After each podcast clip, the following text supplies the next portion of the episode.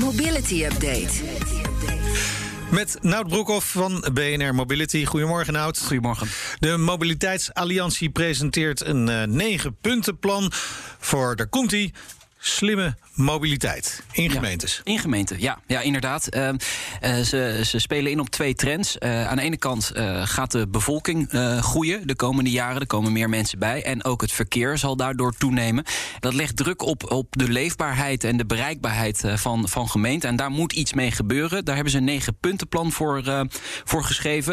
Ik ga ze niet alle negen noemen hier, dus wees gerust. Zit er iets met kippen bij? Of, nee, nee, oh. dat heb ik niet gelezen inderdaad. Linkje vind je straks op... Um, bnr.nl slash uh, mobility. Maar uh, drie wil ik er wel even uitlichten. Um, ze zetten echt weer in op die spreiding. Hè, flexibele werk- en openingstijden van ja. winkels, scholen, kantoren. Kortingsacties voor het openbaar vervoer. Om het openbaar vervoer weer te stimuleren. En ze zeggen investeer nou in die mobiliteitshubs voor personen en goederen. Zet daar ook meer in op Maas, Mobility as a Service. Uh -huh. Afgelopen maandag natuurlijk nog besproken Zeker. in BNR Mobility. Ga het terugluisteren. Zeker. Het, het zijn natuurlijk allemaal wel een klein beetje open deuren. Ja, dat is zeker zo. Maar het moet wel een keer gebeuren. En we kunnen wel plannen blijven schrijven. Maar misschien moet er ook een keer wat mee gedaan worden in Den Haag. Dus uh, hopelijk uh, komt het aan. Ja, en een open deur helpt, uh, ja. open deur helpt wel met mobiliteit. aantal verkeersdoden is gedaald.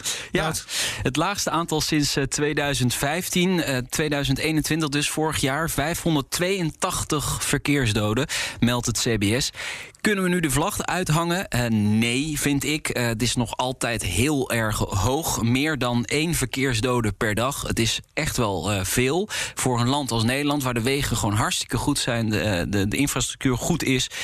Dus ja, de doelstellingen worden ook niet gehaald. 2020 moesten er 500 doden in het verkeer Maximaal, zijn. Ja. Maximaal, ja. Niet gehaald. Wordt niks over gezegd voor de rest. Het enige wat in een regeerakkoord staat is... verkeersveiligheid moet een nationaal prioriteit zijn. Maar vervolgens ja. wordt er weinig aan gedaan. Er wordt wel wat geïnvesteerd, maar niet heel erg veel.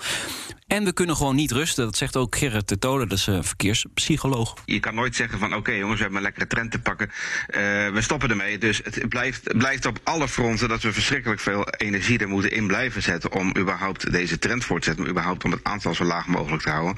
En we hebben natuurlijk nog wel altijd over 582 gezinnen waar niemand, iemand niet meer thuis komt. Hè. Ja, en daar weer familie van. Het is, het is enorm leed, zo'n verkeersdoden. En uh, ja, dat, dat, daar, daar wordt soms ook niet echt heel veel rekening mee gehouden. Wat er allemaal achter zit. Maar daar zit veel achter. Ja, precies. Nou, autofabrikanten doen natuurlijk wel ontzettend veel ja. om te voorkomen dat er mensen in en buiten een auto nog uh, om het leven komen door ja. ongelukken. Ongelukken voorkomen is misschien nog wat lastiger. Maar hij zegt dus eigenlijk: overheden, jullie moeten echt veel, veel meer doen. Ja, veel meer investeren en handhaven. Handhaven. Handhaven, ja. ja mensen staande houden. Dat Dan gebeurt ook niet heel gaan we, uh, Utrecht gaat iets doen wat ze jaren en misschien wel eeuwen geleden ook wel vaker deden. Ja. Vervoer via het water. Ja. De trekschuit komt terug. Nou ja, uh, varen waar het kan, rijden als het moet. Dat is het motto. Uh, zometeen uh, ondertekenen ruim 30 partijen in Utrecht de intentieovereenkomst goederenvervoer over water, provincie Utrecht. Als er één stad is in Nederland, nou trouwens Amsterdam zou het ja, ook ik kunnen. zeggen, dan is het Amsterdam. dan is het Amsterdam. nee, dan is het ook Utrecht natuurlijk. Doel is goederen in de, de provincie zoveel mogelijk via het water laten vervoeren. Dit moet het, de drukte op het wegennet ontlasten en de lucht schoner maken. En schoner maken is dan ook met het schoner vervoer. Elektrisch of op waterstof. Oké. Ja, waterstof. Op zich voor, voor dat soort transport en uh, schepen, ja. ja, ja, dat, dat lijkt me wel een goeie. Uh, er moeten wel extra walstroompunten uh, komen en plekken waar je batterijen kunt omwisselen. Dus ja. daar moeten ze nog even aan werken. En Rotterdam is het natuurlijk ook interessant. Hebben ze ook al heel veelvuldig wordt daar de watertaxi ja. ingezet bijvoorbeeld. zou goed kunnen helpen. ondertussen, we hebben het vaak over die, die 19 cent per kilometer, hè? Kilometervergoeding. Vakbonden reageren behoorlijk sceptisch op het voornemen van werkgevers om die kilometervergoeding te verhogen. Ja, werkgeversvereniging ABVN, misschien heb je het gisteren ook Ja, even kort meegenomen. zeker. Die kwamen met een eigen onderzoek eh, dat er een ruime meerderheid van de werkgevers eh, graag die kilometervergoeding wil verhogen. Maar vakbond CNV en FNV die zien die bereidbaar helemaal niet terug. Heel veel werkgevers eh, geven niet eens 19 cent per kilometer. Dat hebben we ook al vaker gezegd hier op zender. Dat doen ze gewoon niet. Soms 6 cent, 8 cent. Nou, van de werknemers die uh, van de auto afhankelijk is om naar hun werk te komen, krijgt een derde een vergoeding van minder dan die 19 cent. Nou, CNV vindt dat natuurlijk ongehoord dat zoveel mensen moeten toeleggen om naar hun werk te gaan. Ik vind het toch een lastige discussie. Natuurlijk, 16 jaar lang is er niks gedaan in die reiskostenvergoeding. Aan de andere kant, als je het gaat verhogen, dan ja, verhoog je dus ook ja, de, de stimulans om in een auto te stappen, om de auto te gaan gebruiken. Ja. Want het wordt aantrekkelijker. Dus er komen meer mensen op de weg, meer files, meer CO2-uitstoot.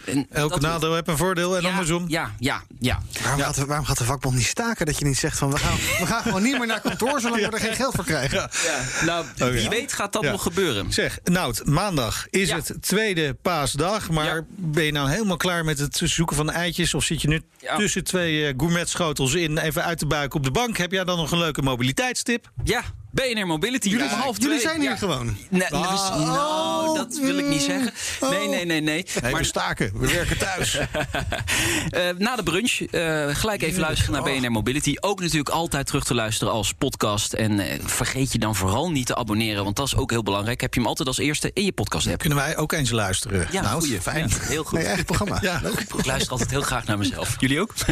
BNR Mobility Update wordt mede mogelijk gemaakt door BP Fleet Solutions en ALD Automotive. ALD Automotive. Ready to move you.